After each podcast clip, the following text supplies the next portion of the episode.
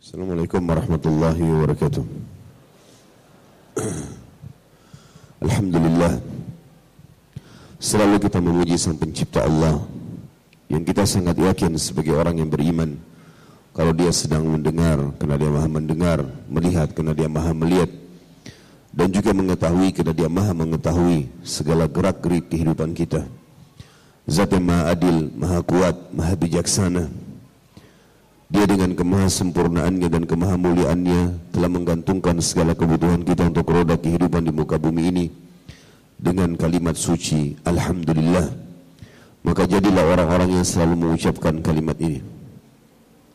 Selanjutnya kita panjatkan salam hormat kita kepada manusia yang telah diperintahkan oleh Allah untuk mengucapkan salam hormat kepadanya dan tentu dengan tujuan untuk mengejar apa yang telah Allah janjikan dari tambahan rahmat karena dengan mengucapkan satu kali saja salam hormat akan dibalas oleh Allah sepuluh kali tambahan rahmat yang berarti pengampunan dosa, peninggian derajat, serta juga pemenuhan terhadap segala kebutuhan.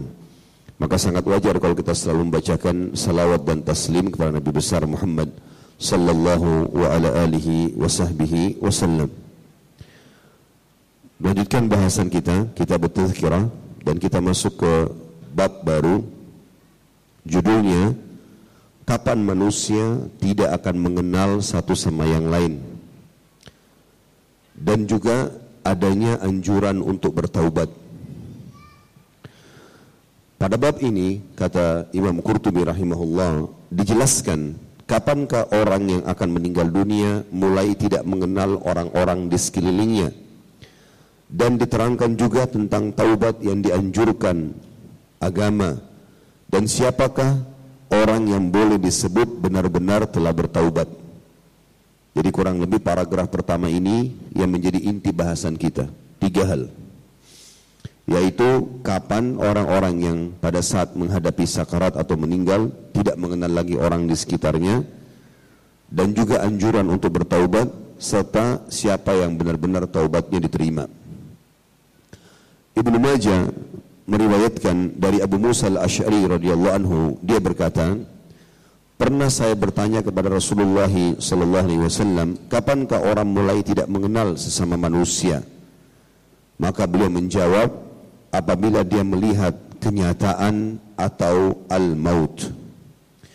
Diriwayatkan Ibnu Majah di nomor 1453 maksud daripada melihat kenyataan maut Sabda Rasulullah SAW apabila dia melihat kenyataan maksudnya adalah apabila orang yang akan meninggal itu telah melihat dengan mata kepalanya kehadiran malaikat maut atau malaikat maut dan para malaikat yang lainnya. Wallahu alam. Dan ini teman-teman sekalian sampai sini saya jelaskan dulu. Memang salah satu hal yang akan mengagetkan manusia adalah pada saat dia melihat sesuatu yang tidak terbiasa dia lihat di antaranya adalah kehadiran malaikat pada saat akan meninggal dunia. Bagaimanapun wujudnya, kalau dia orang beriman dia akan melihat cahaya yang terang dari malaikat memang diciptakan dari cahaya. Dan kalau dia orang fasik atau kafir dia akan melihat pemandangan yang sangat menakutkan bagi dia. Maka tetap kedua keadaan itu mengagetkan bagi manusia karena tidak biasa dia melihatnya Jangankan kita melihat malaikat, makhluk Allah yang pasti ada, karena rukun iman kita yang kedua iman kepada malaikat. Kita melihat sesuatu mungkin yang baru saja, maka kita pasti kaget. Apa itu bangunan, makanan, pakaian, penampilan, atau mungkin sosok manusia yang tidak biasa kita lihat dari paras wajahnya, postur tubuhnya, mungkin berbeda dengan umumnya manusia, maka cukup membuat kita kaget Bagaimana seseorang pada saat melihat malaikat? Terlebih lagi malaikat ini berbicara, bergerak. Sebagaimana dalam hadis yang sahih disebutkan riwayat Bukhari, kalau orang mukmin akan meninggal dunia maka datang kepadanya tiga sosok malaikat. Dua malaikat rahmah, kasih sayang di kiri kanan tubuhnya yang membawa kain kafan dari surga dan satu malaikat maut di ubun-ubun kepalanya yang akan mengatakan, "Hai jiwa yang baik, keluarlah kepada rahmat Tuhanmu. Maka ruhnya pun keluar dari tubuhnya lebih cepat daripada air dari mulut kendi. Semoga insya Allah kita termasuk ini. Dan sebaliknya, kalau dia orang fasik atau orang kafir, maka dia akan melihat tiga malaikat. Kata Nabi SAW, dua malaikat di kiri kanannya, malaikat azab atau penyiksa yang membawa, kain kafan dari neraka. Kemudian satu malaikat maut di ubun-ubun kepalanya akan mengatakan, Hai jiwa yang busuk, keluarlah kepada kemurkaan Tuhanmu. Maka ruhnya pun tidak mau keluar dari tubuhnya, yang akhirnya malaikat maut mencambuknya bagian wajah dan bokongnya dengan sangat keras dan menarik roh tersebut dengan paksa seperti ibaratnya bulu domba yang dibasahkan dan dililitkan di pohon berduri lalu ditarik dengan keras sehingga berantakanlah bulu domba itu. Tentu riwayat ini panjang, tetapi yang kita ambil saksi bahasan kita adalah bagaimana memang ada malaikat yang datang dan di sini disebutkan minimal tiga malaikat. Sementara riwayat lain juga menjelaskan yang pernah saya paparkan tentu di kelas kita ini di beberapa pertemuan yang lalu tentang hadis baginda Nabi Shallallahu Alaihi Wasallam yang berbunyi beliau mengatakan siapa yang rindu ingin bertemu dengan Allah maka Allah pun rindu bertemu dengannya. Dan siapa yang benci bertemu dengan Allah Allah benci bertemu dengannya. Maka para sahabat sedih mendengarkan hadis ini. Mereka ketakutan. Termasuk Ummul Mukminin Aisyah radhiyallahu anha menangis. Maka Nabi SAW tanya wahai Aisyah kenapa kau menangis? Bilang, ya Rasulullah, hadis anda menakutkan kami. Apakah berarti kalau kami takut mati, kami benci bertemu dengan Allah? Maka kata Nabi SAW, bukan seperti itu hai Aisyah. Tetapi kalau orang beriman akan meninggal dunia, dan ini berarti ada malaikat lain selain tiga malaikat tadi. Kalau orang akan orang mukmin akan meninggal dunia, maka akan berdatangan malaikat di sekitarnya. Lalu memperlihatkan kepadanya amal-amal soleh yang pernah dia lakukan ini sholatmu, ini puasamu, ini zakatmu, ini bakti sama orang tua, ini jenguk orang sakit, ini majelis ilmu, segala macam. Lalu dia bilang, karena ini semua kau akan masuk ke surga. Lalu diperlihatkanlah istananya di surga. Maka dia pun karena itu semangat ingin segera mati. Dia pun rindu bertemu dengan Allah, Allah pun rindu bertemu dengannya. Kalau orang fasik, orang muslim tapi masih banyak dosanya dan tidak sempat taubat, dan orang kafir, maka akan datang kepadanya sosok-sosok malaikat yang memperlihatkan amal-amal buruknya.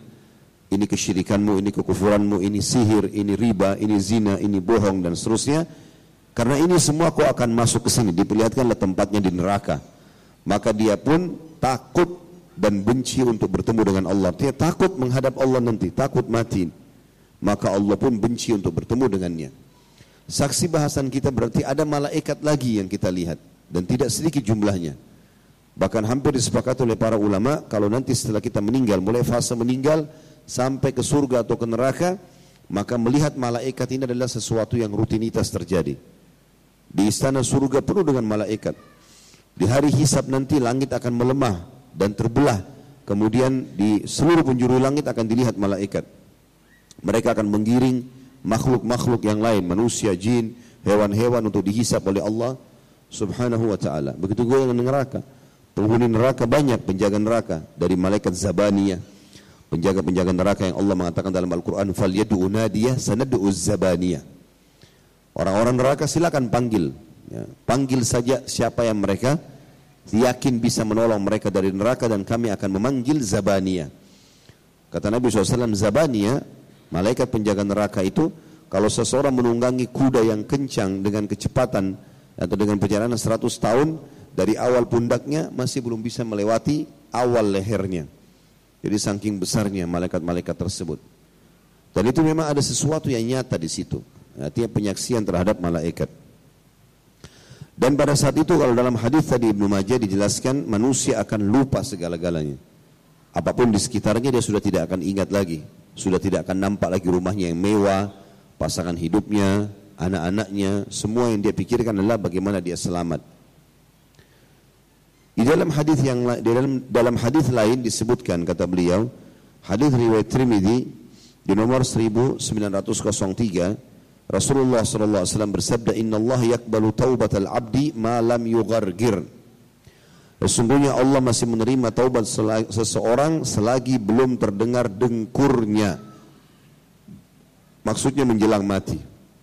Karena biasanya orang kalau dicabut ruhnya maka akan mengeluarkan suara baik kecil ataupun besar proses pencabutan ruh itu.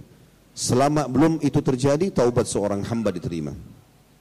Ini teman-teman sekalian adalah berita gembira buat kita sebenarnya, terutama yang masih hidup. Jangan ditunda. Detik ini, di masjid ini yang mulia, teman-teman ingat dosanya, beristighfar kepada Allah, bertaubat. Kalau itu berhubungan dengan Allah sang pencipta, maka Allah maha pemurah. Dengan ikhlas, dengan tulus, maka insya Allah Allah akan maafkan. Kalau berhubungan dengan manusia, jangan juga ditunda. Ingat semua dosanya, kesalahannya sama manusia siapa pun, bubar dari sini, minta maaf.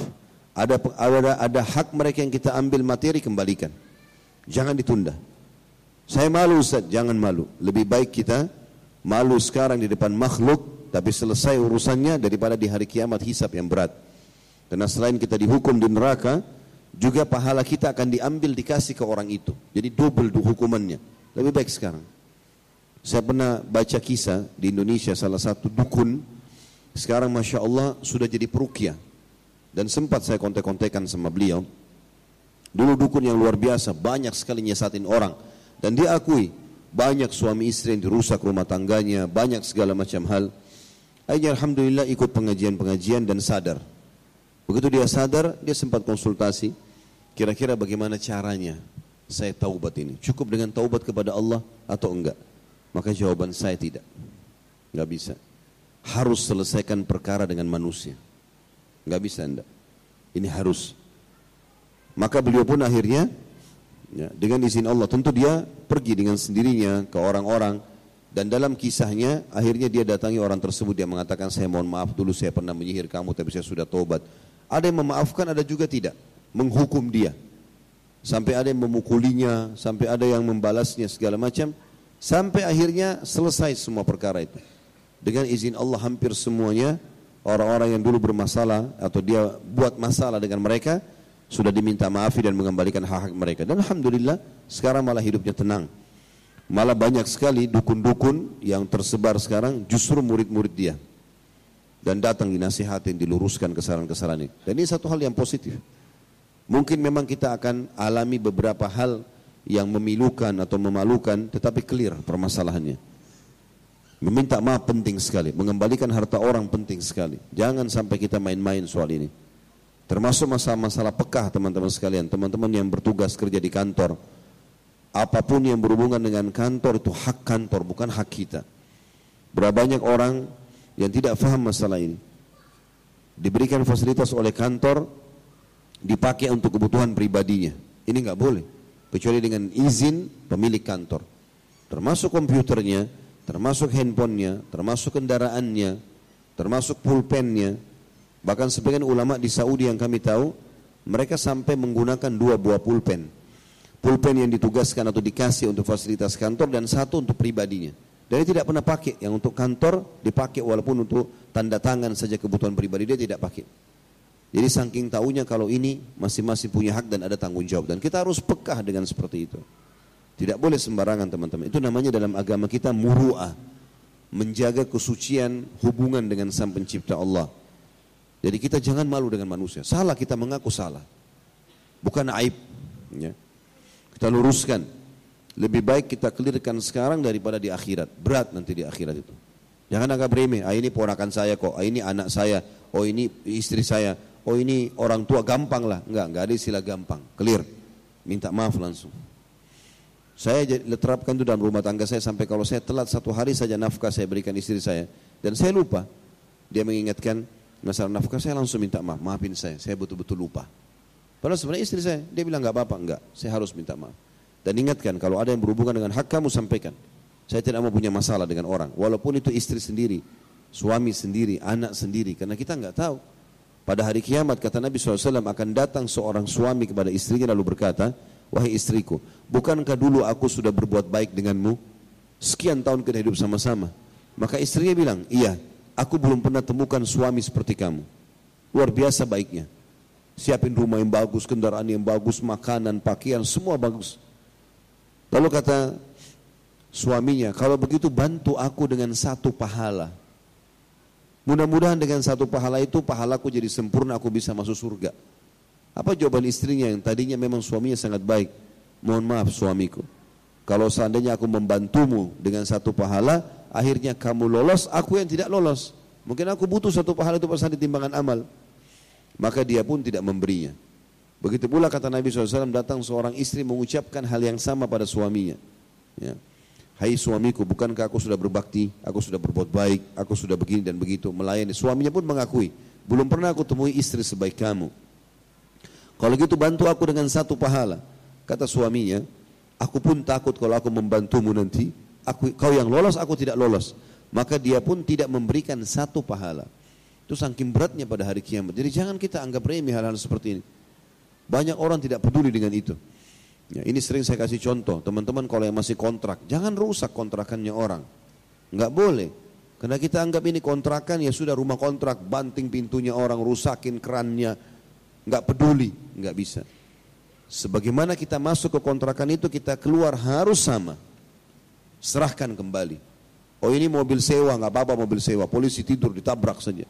Trotoar, lubang jalan. Kenapa? Sewa. Kenapa kalau sewa? Apa kita harus rusak punya orang?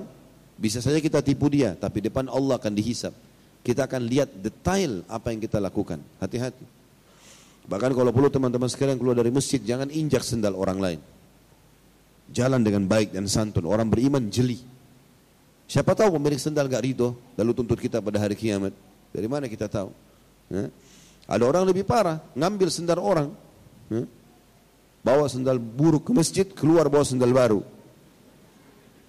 mencuri dan di masjid di rumahnya Allah. Ini berat sekali hukumannya. Dan sekian banyak.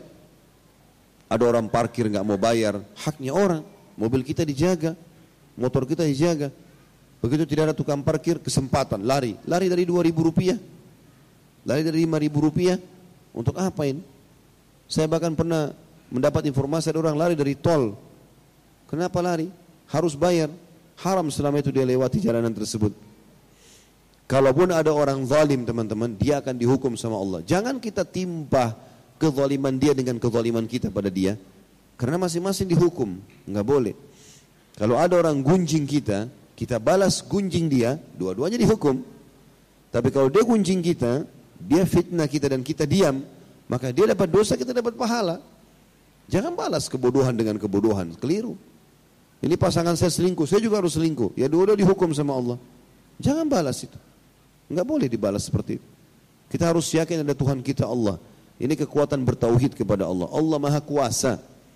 Allah akan menghukum siapa pun dan sehebat apa pun dia mengemas kesalahannya, Allah punya cara membongkarnya. Dan terakhir dia cuma mengucapkan kalimat yang sama, semua orang akan bilang itu. Kok bisa ya? Bisa kalau Allah mau. Biar kita kemas rapi apa pun, Allah bisa membongkarnya. Apalagi dasarnya kalau orang itu sibuk mencari aibnya orang lain. Dalam sebuah hadis kata Nabi SAW, siapa yang sengaja mencari-cari aib saudaranya muslim, maka Allah akan membongkar aibnya walaupun di dalam rumahnya. Itu hadis sahih. Sibukkan diri untuk diri kita sendiri. Diri kita ini butuh pembenahan. Semua tubuh kita keluar kotoran. Bersihkan itu. Jangan sibuk dengan alamnya orang lain. Allah memberikan kita sakit supaya kita sadar kita ini lemah Allah memberikan saatnya kita ditipu, saatnya kita dipukul, saatnya kita di apalah ditolimi supaya kita tahu kita ini lemah dan kita bergantung kepada Allah Subhanahu wa taala. Jangan lakukan keburukan-keburukan kepada orang lain karena berbahaya. Jangan bawa musuh pada hari kiamat teman-teman sekalian, tapi bawalah teman-teman yang baik dan soleh. Jadi orang baik, sabar sedikit sampai ajal datang sudah selesai. Itu tugas kita. Sabar dari gangguan orang karena semua orang diganggu. Siapa orang di antara kita di sini yang pernah lolos tidak ditipu sama orang? Ada? Bisa angkat tangannya yang tidak pernah ditipu sama orang sama sekali? Hah? Ada nggak kira-kira? Kalau ada coba angkat tangan. Hebat sekali itu kalau selama hidup jangan pernah ditipu. Dari SD sampai sekarang ada orang tidak pernah ditipu. Diambil barangnya. Ada nggak di antara kita pernah utangin orang, semuanya orang bayar? Ada nggak? Pasti ada saja orang tidak bayar kan? Nah semua orang lalui itu loh. Berarti ada cobaannya, bukan cuma kita. Ada orang di antara kita yang tidak pernah sakit teman-teman sekalian. Hebat sekali, sehat terus. Biar olahragawan sakit. Pelatih-pelatih olahragawan itu pelatih bela diri sakit juga dia. Flu juga, demam juga, rematik juga gitu kan. Bahkan mati. Gitu. Semua kita akan lalui itu. Ada cobaan-cobaan. Dan itu tujuannya untuk menyadarkan kita kalau kita makhluk. Dan kalau kita bisa sabar kita akan dapat pahala yang baik. Kata beliau di sini, maksud daripada hadis riwayat Trimidi yang tadi berbunyi sesungguhnya Allah akan menerima taubat seorang selagi belum terdengar dengkurnya atau menjelang matinya, selagi nyawanya belum sampai ke tenggorokan, di mana orang itu melihat kesudahan hidupnya, apakah mendapat rahmat atau kehinaan. Ketika itulah taubat dan iman tidak lagi bermanfaat. Dan ini mirip dengan kejadian Fir'aun.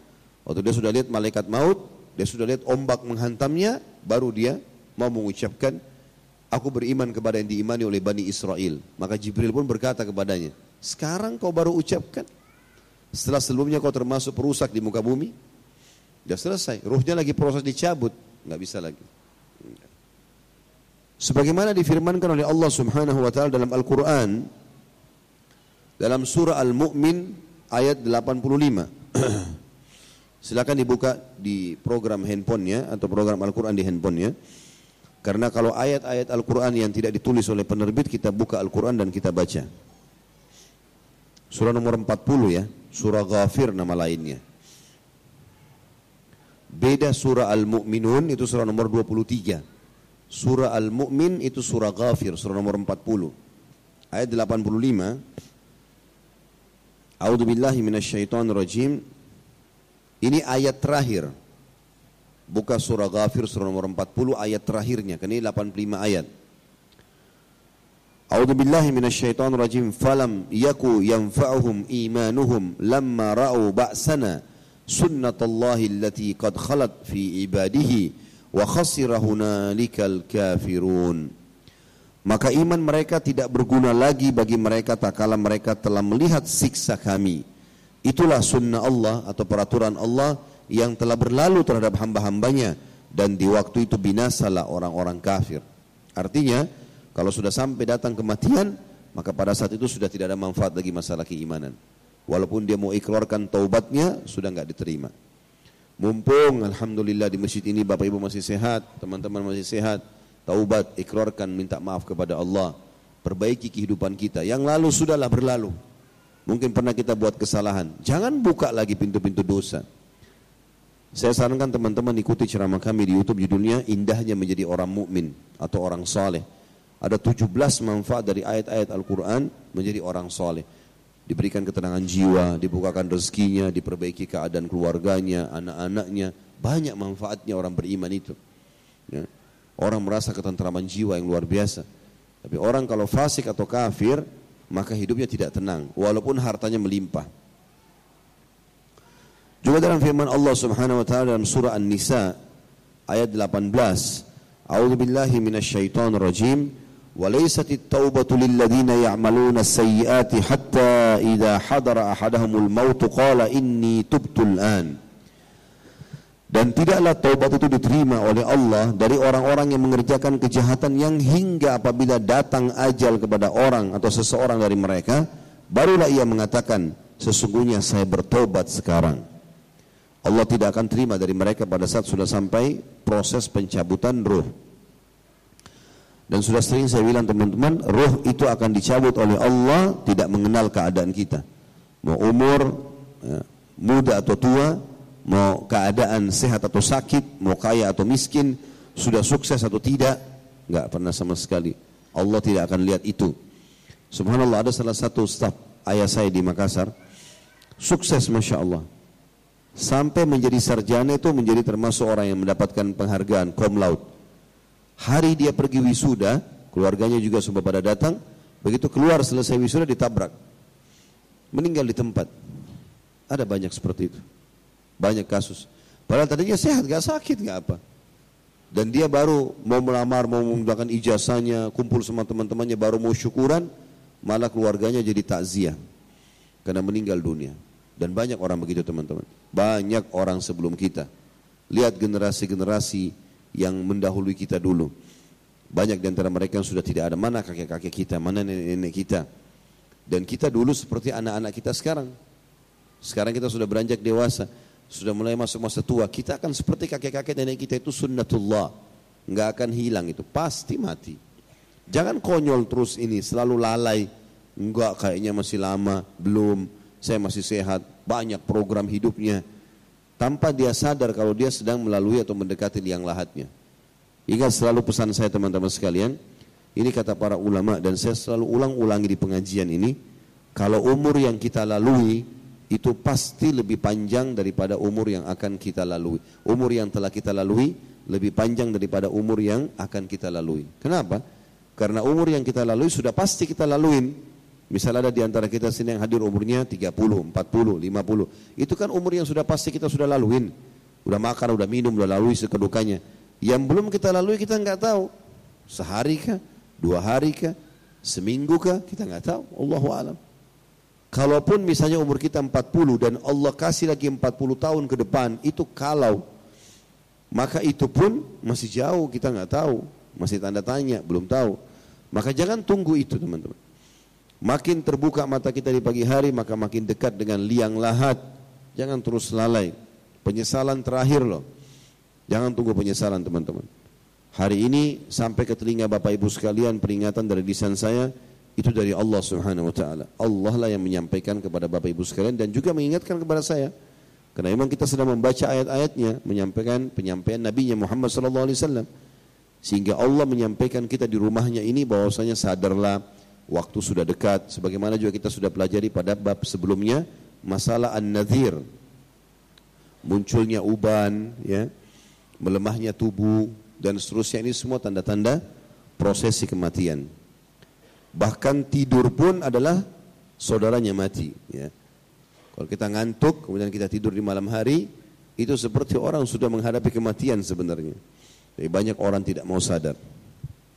Kata beliau, jadi sebenarnya pintu taubat senantiasa terbuka lebar bagi manusia sampai dia melihat malaikat pencabut nyawa. Yaitu ketika mulai terdengar suara dengkurnya dari tenggorokannya, dari tenggorokan menjelang nyawanya dicabut. Suara dengkuran itu mulai terdengar apabila urat jantungnya telah terputus. Lalu suara itu naik dari dada ke tenggorokan. Ketika itulah dia melihat malaikat maut. Dan ketika itulah dia menyaksikan kematian. Maka camkanlah baik-baik subbahasan kita anjuran segera bertaubat. Manusia wajib bertaubat. Garis bawahi kalimat wajib, bukan pilihan. Manusia wajib bertaubat. Jangan bilang saya nggak punya dosa, mustahil. Nggak ada orang di antara kita luput dari dosa. Kita sengaja atau tidak sengaja. Kalau ada orang berusaha menjaga dirinya pun, tetap aja ada dosa-dosa yang kadang-kadang tidak disengaja. Seperti misal, dia dari rumah ke kantor, ada orang tidak pakai jilbab di pinggir jalan, banyak. Dia harus amar ma'ruf nahi mungkar. Sudah pernah kita amar ma'ruf nahi mungkar enggak? Ya Allah, mudah-mudahan engkau berikan dia hidayah. Ada pelang-pelang sampo perempuan tidak pakai jilbab. Dosa semua itu. Kita sudah ingatkan belum? Berapa banyak supermarket yang kita masuki jual rokok, jual minuman keras. Sudah kita ingatkan belum? Kita cuma tahu masuk belanja barang kita. Dosa banyak dosa kita ini. Ya. Banyak harus hati-hati. Manusia wajib bertaubat sebelum melihat kenyataan di atas terjadi dan sebelum terdengar dengkuran maut dari tenggorokannya. Dan itulah kiranya taubat yang dimaksud dalam firman Allah Subhanahu wa taala dalam surah An-Nisa ayat 17. A'udzu billahi minasyaitonir rajim, tsumma yatubuna min qarib. Kemudian mereka bertobat dengan segera. Begitu dengar peringatan, taubat. Tidak usah peduli dengan perkataan orang. Ya. Dan ini perlu kita garis bawahi teman-teman sekalian. Saya sangat gembira kalau melihat generasi muda muslim menangis bertaubat kepada Allah itu tanda kebaikan. Saya berapa kali ketemu dengan beberapa jemaah di masjid, Masya Allah masih muda-muda. Ada yang masih SMA, ada yang masih baru sementara selesaikan kuliahnya, ada yang baru selesai kuliah, mau kerja.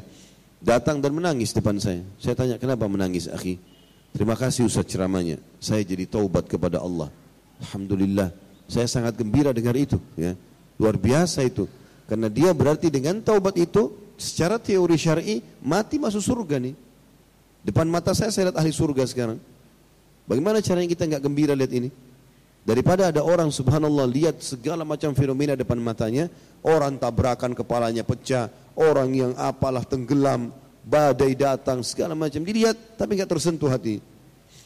Padahal dia juga akan seperti itu, sama dengan mereka, gitu kan? Maka itu sangat baik kalau kita mendengar itu. Orang yang segera taubat itu berita gembira. Makanya dalam hadis lain dalam hadis Bukhari Muslim dikatakan Allah bergembira dengan taubat hamba-hambanya. Lebih gembira daripada seseorang di antara kalian yang pergi ke padang pasir yang luas membinasakan. Tidak ada orang, tidak ada kehidupan.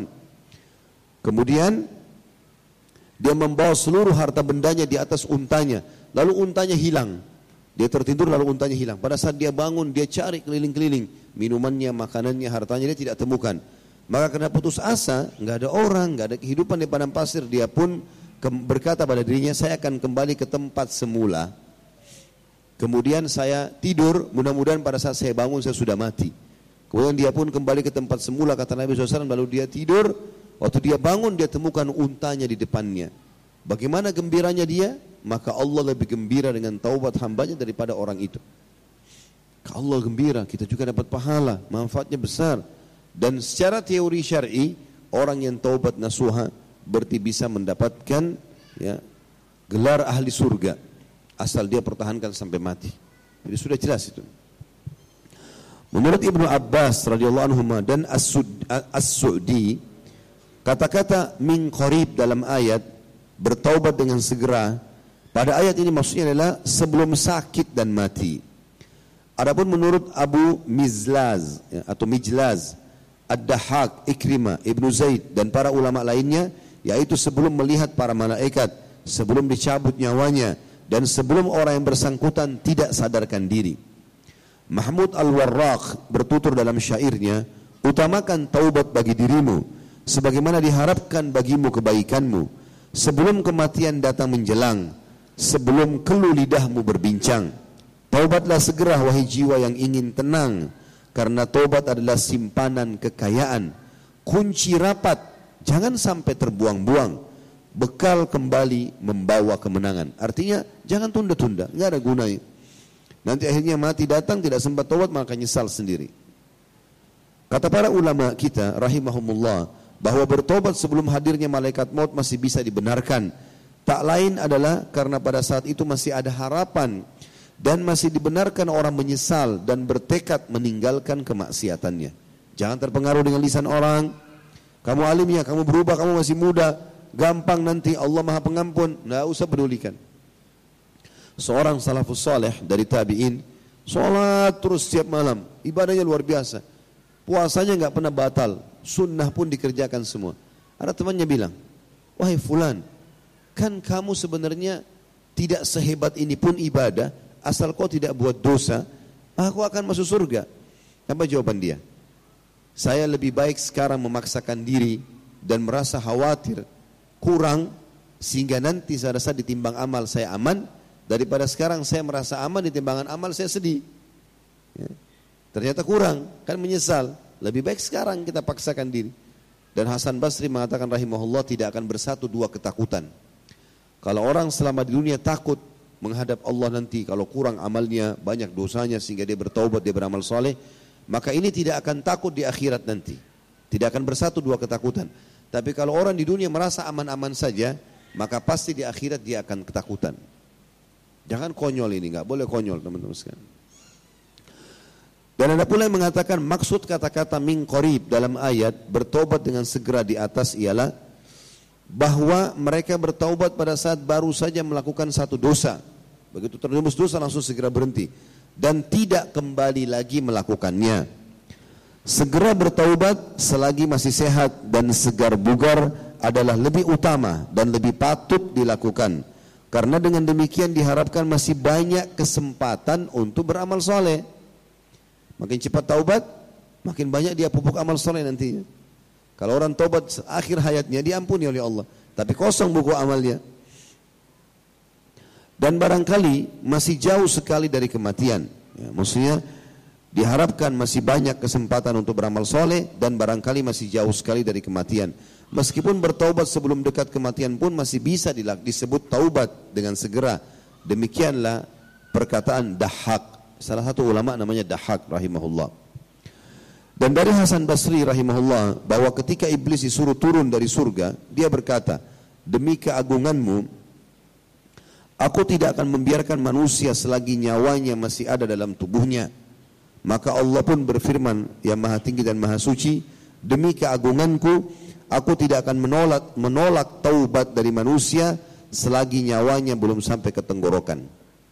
Jadi waktu iblis bilang, saya tidak akan biarkan anak Adam. Saya akan usahakan setiap detiknya, saya buatin program supaya dia maksiat. Gagal yang ini, sana yang lolos. Gagal yang ini, sana yang lolos. Kalau semua lolos, maka target syaitan.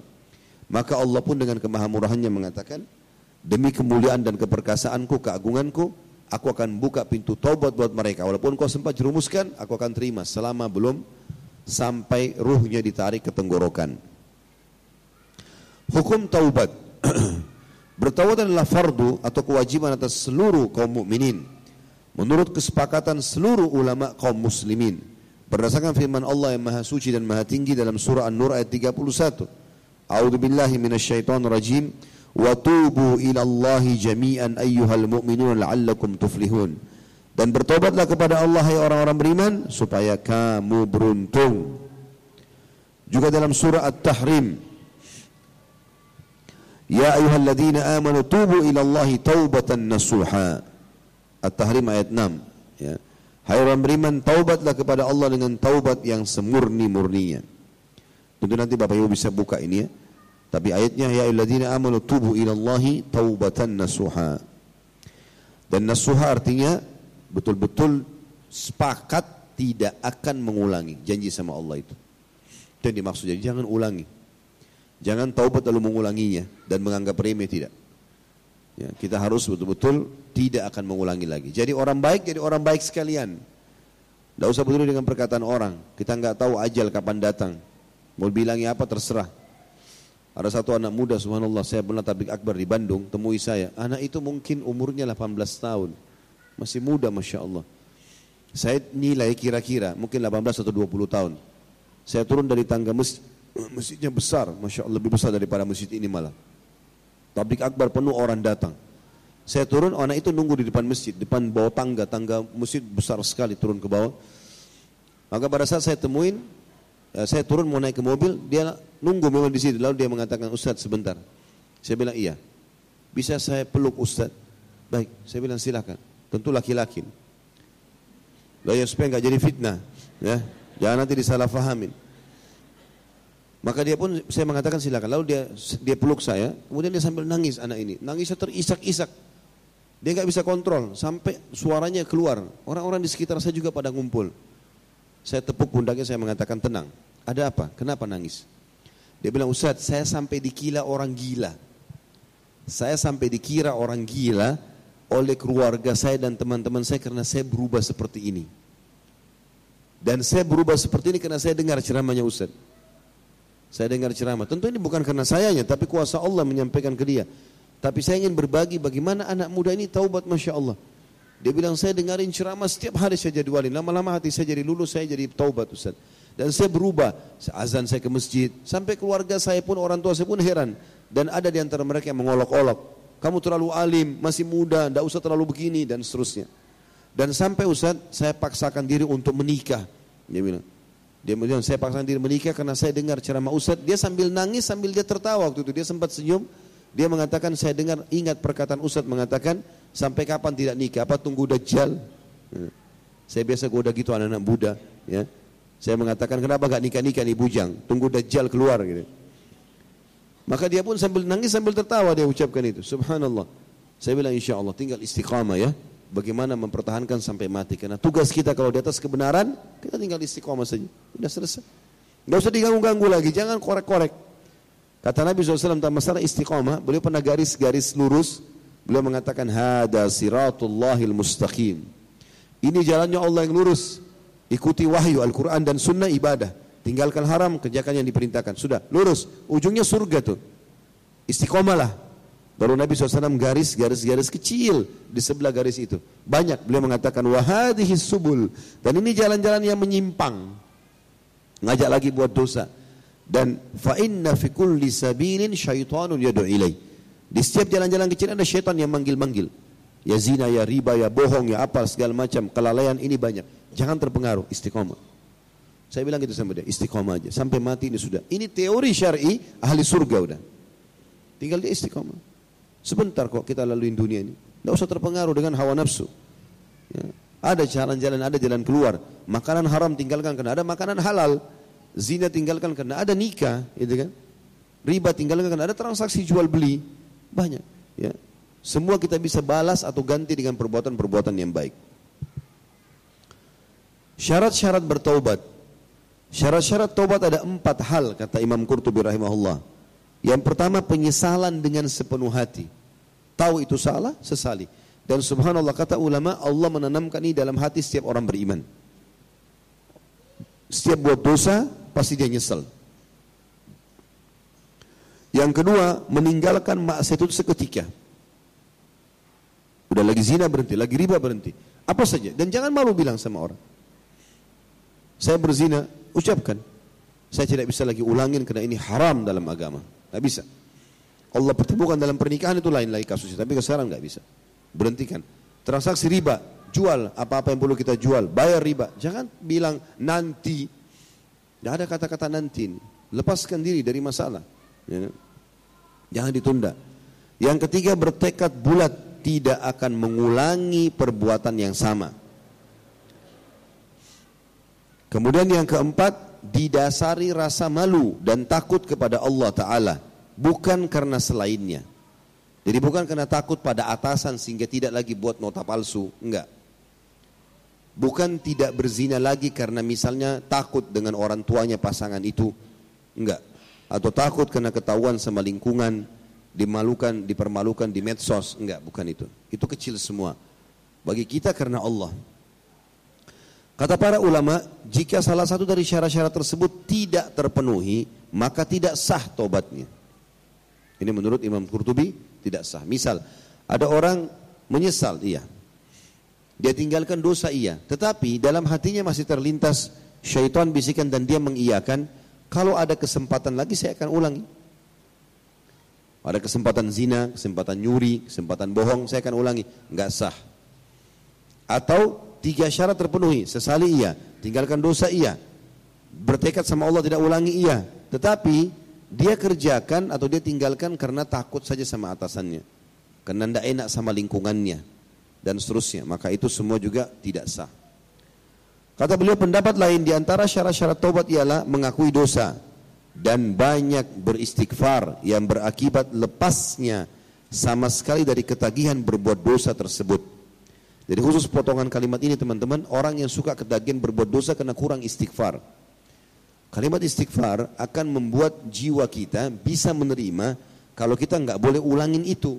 Ya, itu yang dimaksud di sini dan berpengaruh nyata terhadap sikap hati, bukan sekedar ucapan dengan lidah. Adapun orang yang dengan lidahnya mengucapkan astagfirullah, sedangkan hatinya tetap ingin melakukan maksiat, maka istighfarnya itu justru memerlukan istighfar yang lain. Ada orang begitu, astagfirullah, ya. tapi matanya tetap melotot lihat orang yang haram. Nonton film porno astagfirullah, tapi nonton terus.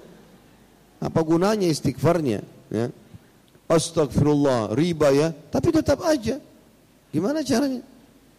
Maka ini cuma lisan tidak berguna bagi dia, harus diikuti dengan hati. Dan dosa kecil yang dilakukannya malah akan berlanjut dengan dosa besar. Demikianlah sebagaimana diriwayatkan dari Hasan Basri bahwasanya dia berkata, istighfar kita membutuhkan istighfar lagi. Ya. Jadi kita harus garis bawahi poin ini teman-teman sekalian. Selalulah sibukkan diri meninggalkan dosa kecil, maka dosa besar akan kita jauhi. Selalulah sibukkan diri dengan ibadah-ibadah sunnah, maka ibadah wajib akan kita penuhi. Seperti itu. Jauhi semua teman-teman sekalian. Kalau perlu hal yang makruh pun, minum sambil berdiri makruh, makan sambil jalan makruh. Coba mulai dari situ, maka yang haram kita akan jauhi. Karena kita sibuk dengan yang makruh itu. Sama kalau kita sibuk dengan amal sunnah, selalu sholat sunnah, sholat duha, sholat malam, sibuk sholat wajibnya terpenuhi dengan sendirinya. Tapi kalau kita lalaikan dosa-dosa kecil nggak apa-apa, terjerumus ke dosa besar. Ya, yang makruh nggak apa-apa, masuk ke dosa, masuk yang haram. Dan kalau dia lalaikan amal sunnah, amal wajib juga akan dia lalaikan. Ya. Maka ini termasuk langkah-langkah syaitan harus hati-hati. Imam Qurtubi rahimahullah berkata, begitulah yang dikatakan oleh Al Hasan Al Basri di masa hidupnya Hasan Basri seorang ulama tabi'in ya. Apalagi di zaman kita sekarang ini, saat manusia tampak getol melakukan kezaliman, bahkan semakin bergairah, tanpa mau berhenti darinya, sementara tangannya memegang tasbih. Dia sangka seperti itu sudah meleburkan dosa, padahal itu justru merupakan penghinaan dan pelecehan terhadap Allah. Orang seperti itu termasuk mereka yang menjadikan ayat-ayat Allah yang maha tinggi sebagai bahan ejekan dan permainan. Jadi dia istighfar tapi tetap matanya lihat haram, telinganya dengar haram, tangannya jamah haram, kemaluannya diletakkan pada haram, langkahnya melangkah pada melangkah pada tempat yang haram. Ini semua melecehan kepada Allah. Kita sama dengan atasan kita, kita katakan, saya minta maaf ya, tapi tetap aja dia lakukan. Sambil minta maaf, sambil tangannya ngambil benda di ruangan bosnya. Diapakan tuh sama bosnya tuh? Nah, tentulah saya dihukum. Allah berfirman dalam Al-Quran dengan sangat tegas. Al-Baqarah ayat 231 wala wala tattakhidu ayatillahi huzwa. Jangan pernah kalian jadikan ayat-ayat Allah sebagai permainan. Lebih dalam lagi kita bahas arti taubat. Ali bin Abi Thalib radhiyallahu pernah melihat seseorang seusai solatnya berkata, "Ya Allah, sesungguhnya aku memohon ampun dan bertaubat kepadamu dengan segera." Maka Ali pun menanggapi, "Apa ini?" Sesungguhnya cepatnya lidah beristighfar adalah taubatnya para pendusta. Dan taubatmu itu memerlukan taubat lagi. Orang itu bertanya, wahai Amir Mukminin waktu itu, waktu itu Ali bin Abi Thalib jadi raja. Apakah taubat itu apa taubat yang sebenarnya? Apakah taubat itu sebenarnya? Ali menjawab, taubat adalah sebuah kata yang mempunyai enam arti. Pertama, taubat atas dosa-dosa yang telah lalu adalah menyesal. Yang kedua, taubat atas melakukan kewajiban-kewajiban secara serampangan adalah mengulang. Jadi ada perilaku-perilaku di sini ya. Jadi maksud adalah taubat atas dosa-dosa yang lalu dengan menyesal, betul-betul merasa kenapa saya terjerumus, tidak akan mengulangi. Membengkalikan kewajiban lalai, sholatnya kadang-kadang cuma duhur sama asar, subuh, maghrib, isya hilang. Adalah dengan mengulang dan mengganti itu dengan amal-amal soleh. Artinya dia sekarang mulai hari ini tidak boleh lagi lari dari sholat misalnya. Yang ketiga, taubat atas mengambil barang orang lain secara zalim adalah mengembalikannya kepada pemiliknya. Bukan hanya lisan, harus ada praktek lapangan. Yang keempat, membiasakan diri melakukan ketaatan sebagaimana sebelumnya terbiasa melakukan kemaksiatan. Ini menurut Ali bin Abi Thalib, arti taubat harus diikuti dengan itu. Ganti seluruh kebiasaan buruk dengan kebiasaan baik. Kalau kita biasa tahunya habis Isya, selalu ke karaoke sama teman-teman dari jam 8 sampai jam 10, 2 jam. Sekarang kita taubat, jam itu harus diganti. Harus ganti dengan majelis ilmu, dengan apalah, amal-amal baik sehingga kita tidak terkenang karena begitu kita lalai, syaitan ingatkan. Dan syaitan sangat mahir dalam mengemas dosa-dosa kita sehingga terlihat indah dan baik. Padahal sebenarnya tidak baik. Yang kelima, membuat nafsu merasakan pahitnya taat. Sebagaimana sebelumnya merasakan manisnya maksiat. Mulai sekarang paksain diri. Biar ngantuk bangun sholat malam. Enggak mau pegang Quran, paksain baca Quran. Malas hadir majelis ilmu, syaitan bisikin, enggak usah lah nanti gampang dengar. Enggak harus hadir. Biarin jiwa ini merasakan bagaimana ibadah itu. Sebagaimana dulu kita paksakan diri dalam berbuat dosa. Ya. Yang keenam, yang terakhir, menghiasi diri dengan taat kepada Allah sebagaimana sebelumnya menghiasinya dengan maksiat kepadanya serta menangis sebagai ganti tiap-tiap ketawa yang dulu dia lakukan. Dan ini tentu termasuk ya cara-cara taubat yang luar biasa. Ikrimah rahimah radhiyallahu anhu, sahabat Nabi yang mulia, Ikrimah bin Abi Jahal, anaknya Abu Jahal, terkenal dulu benci sekali dengan Islam, luar biasa. Ayahnya Abu Jahal tidak ada yang tidak kenal nama Abu Jahal. Ya. Jahal artinya bodoh. Kalau dipakai Abu Jahal berarti super bodoh. Orang yang luar biasa. Orang Mekah panggil dia Abu Hakam, orang yang bijaksana. Tapi Nabi suruh kita panggil Abu Jahal. Karena gobloknya luar biasa gitu. Ditanya oleh Abu Sufyan temannya sendiri, kenapa kau tidak masuk Islam? Bukankah kita sudah mendengarkan ayat-ayat dari Muhammad dan benar? Maka dia bilang, iya, saya tahu Muhammad benar. Tapi dari dulu suku saya sama suku Muhammad bersaing. Kalau suku Muhammad menyiapkan makan minum untuk jemaah haji, maka saya pun juga, suku saya pun ikut melakukan. Kalau sukunya Muhammad, Bani Hashim dan Bani Muttalib sibuk menyiapkan pasukan untuk membela Mekah, sukuku juga untuk melakukan itu. Dan dari dulu kami menang, mereka menang. Sama-sama, bersaing. Sekarang, dari suku Muhammad ada Nabi. Suku saya tidak ada Nabi. Maka saya pun tidak mau beriman. Karena kalau saya beriman, beri suku saya dikalahkan. Fanatisme kesukuan saja. Ya. Mirip orang bilang, saya nggak mau beriman sama Nabi Muhammad karena Nabi Muhammad orang Arab. Saya kan orang Melayu. Gak nyambung kan? Gak ada hubungannya. Karena Arab, Melayu, bule, Allah buat itu variasi kehidupan. Seperti Allah buat anggur, manggi, segala macam. Tapi Nabi SAW mengatakan, kalian semua dari Adam dan Adam dari tanah. Supaya menyadarkan kita, kalau ini cuma variasi, warna kehidupan saja, bukan untuk saling sombong. Dan dikatakan oleh Nabi SAW, ya tidak ada beda antara Arab dan Ajam kecuali dengan ketakwaan. Dalam ayat Al-Quran, Inna akramakum indallahi atqakum. Yang paling mulia sisi Allah orang yang paling bertakwa. Ikrimah bin Abi Jahal radhiyallahu anhu masuk Islam dengan hikmah Allah. Setelah pembebasan kota Mekah dan sebab dia masuk Islam unik. Dia lari dari Mekah waktu pasukan muslimin berhasil masuk. Lalu dia tiba di Jeddah, dia nyebrang ke Afrika naik kapal. Di atas kapal, dia kan Abu Jahal ini kayak rajanya Mekah. Ini anak raja Mekah istilahnya. Pada saat itu. Ini istilah saja sebenarnya kepala suku ya, cuman dihormati sekali Abu Jahal itu. Karena di Mekah dulu banyak suku-suku yang semua kepala suku ikut partisipasi di situ. Yang jelas teman-teman sekalian, pada saat itu Ikrimah naik di kapal dan di kapal ini semua orang yang di situ kebetulan orang-orang yang dia kenal dan semua penyembah berhala. Dengan hikmah Allah di tengah lautan, di tengah laut merah, sebelum tiba di Afrika dihantam oleh ombak yang besar. Awalnya orang-orang penyembah berhala ini pada keluarin patungnya, minta-minta dengan masing-masing nama patungnya. Makin keras ombak, akhirnya patung-patung mereka mereka lempar ke lautan, ada yang jatuh pecah, lalu kemudian mereka mengangkat tangan ke langit sambil mengatakan, "Ya Tuhan kami, selamatkan kami." Kata Ikrimah, orang-orang ini saya tahu, mereka dulu penyembah berhala dan ternyata berhala mereka tidak berguna bagi mereka dan mereka memanggil Tuhan Allah yang Muhammad selalu sebutkan. Gara-gara itu Islam masuk dalam hatinya. Begitu redah, mereka panggil Allah, patungnya semua pecah, kapal kembali, nggak jadi ke Afrika. Turun di Jeddah, dijemput oleh istrinya, dia kembali ke Mekah masuk Islam. Apa yang dia lakukan teman-teman sekalian? Dia mengatakan, ya Rasulullah, sungguh, beliau mengatakan, sungguh ya Rasulullah, saya akan mengeluarkan infak di jalan Allah atau di agama Allah ini sebesar yang dulu saya keluarkan pada saat saya memerangi agama Allah. Ini yang saya mau sadarkan saksi bahasannya. Karena kan di sini poin keenam dia bagaimana mengganti tiap-tiap tangisan eh, sekarang dengan tangisan tiap-tiap ketawanya dulu di masa maksiat.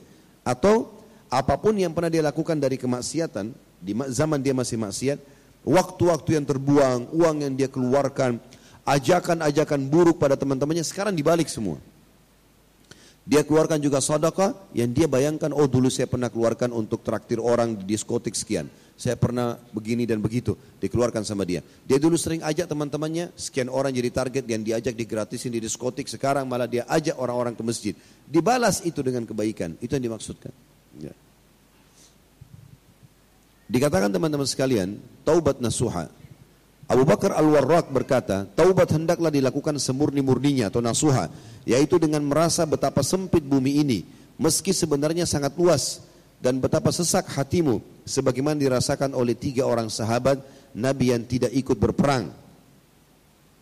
Tentu itu diceritakan dalam surah At-Taubah surah nomor 10 ayat 118. Nanti saya ceritakan sebentar. Ada pula yang mengatakan bahwa yang dimaksud dengan taubat nasuha ialah mengembalikan barang-barang yang diambil secara zalim, meminta maaf kepada para seteru dan terus menerus melakukan ketaatan-ketaatan. Ya. Ini tentu teman-teman sekalian bahasan kita karena kita akan menyelesaikan sisanya jenis-jenis dosa dan sifat orang-orang yang bertaubat insya Allah serta peluang bertaubat ini pada pertemuan akan datang. Dan sekarang sudah setengah sebelas saya harus isi pengajian tempat lain lagi dan ini insya Allah uh, yang berhubungan dengan pertanyaan kita berhubungan dengan masalah taubat dan ajal ditulis di kertas sesuai dengan tema, dikumpulin. Saya akan jawab di pertemuan akan datang insya Allah. Dan insya Allah biidnillah mudah-mudahan pertemuan akan datang saya tidak terlambat lagi teman-teman sekalian. Karena tadi memang subhanallah ada macet yang luar biasa. Dan uh, Allah ya. Tadi insya Allah di titik-titik tertentu tadi ada memang macet ya. Seperti tadi di, di sekitar setelah Uki tadi memang ada macet sekali di sana. Dan insya Allah ini semua dicatat pahala Allah, oleh Allah SWT dengan menunjukkan Bapak Ibu dalam majlis kita. Dan mohon maaf saya tutup sampai di sini insya Allah. dan kita akan lanjutkan sekali lagi dengan tiga judul kita tersisa jenis-jenis dosa dan cara bertobat darinya serta sifat orang-orang yang bertaubat dan juga kita akan bahas peluang bertaubat dan insya Allah tolong diingatkan saya akan jelaskan pada pertemuan akan datang nanti yang disebutkan di judul taubat nasuha di sini dikatakan sebagaimana dirasakan oleh tiga orang sahabat Nabi yang tidak ikut berperang Nanti ini akan saya ceritakan kisah mereka bertiga. Insya Allah juga dengan menyebut nama-nama mereka bertiga itu dan bagaimana ceritanya. Sehingga kita bisa tahu bagaimana taubatnya para sahabat di zaman turunnya ayat surah At-Taubah ayat 118 ini. Allahu alam. Mudah-mudahan apa kita bahas hari ini bermanfaat buat kita dan dijadikan sebagai tambahan amal kita pada hari kiamat. Dan semoga seluruh amal yang sudah kita kerjakan, yang sedang kita kerjakan dan akan kita kerjakan nanti sampai ajal datang nanti diterima oleh Allah dengan pahala yang sempurna. Dan semoga seluruh dosa tidak terkecuali yang pernah kita kerjakan sengaja atau tidak sengaja samar ataupun nyata ya, besar ataupun kecil semuanya diganti oleh Allah dengan kemahamurahannya menjadi pahala dan semoga Indonesia menjadi negara yang aman, tentram, damai, seluruh umat Islam di bawah naungan ukhuwah Islamiyah, diangkat perselisihan di antara mereka dan dalam ibadah mereka kembali kepada Al-Quran dan Sunnah. Dan siapa pun yang menginginkan keburukan, tipu muslihat bagi Islam, bagi muslimin, bagi negara Indonesia tercinta ini dikembalikan tipu daya mereka kepada diri mereka sendiri. Dan semoga Allah melunasi utang negara kita dengan semudah-mudahnya dan diberkahi serta juga dikarunia pemimpin yang kembali kepada Al-Quran dan Sunnah dan semoga Indonesia menjadi contoh bagi negara yang lain. Selalu kita doakan saudara kita di Palestina, di Syria, di Yaman, di Irak, di Myanmar, di Ahsa, pun mereka berada sedang tertindas, semoga Allah ikhlaskan niat mereka terima para syuhada mereka, muliakan Islam di tangan mereka dan tangan kita semua. Dan semoga Allah partisipasi kita bersama mereka di pahala baik dengan doa, dengan harta juga dengan jiwa kita. Dan semoga Allah menyatukan kita semua yang hadir di masjid ini yang mengikuti ceramah kita baik live ataupun rekaman nanti disatukan di surga firdausnya tanpa hisab. Mana sebagaimana kita disatukan di majlis ilmu yang mulia ini. Wassallallahu nabiyana Muhammadin walhamdulillahi rabbil alamin. Subhanakallahumma wa bihamdika asyhadu an la ilaha illa anta astaghfiruka wa atubu ilaik. Wassalamualaikum warahmatullahi wabarakatuh.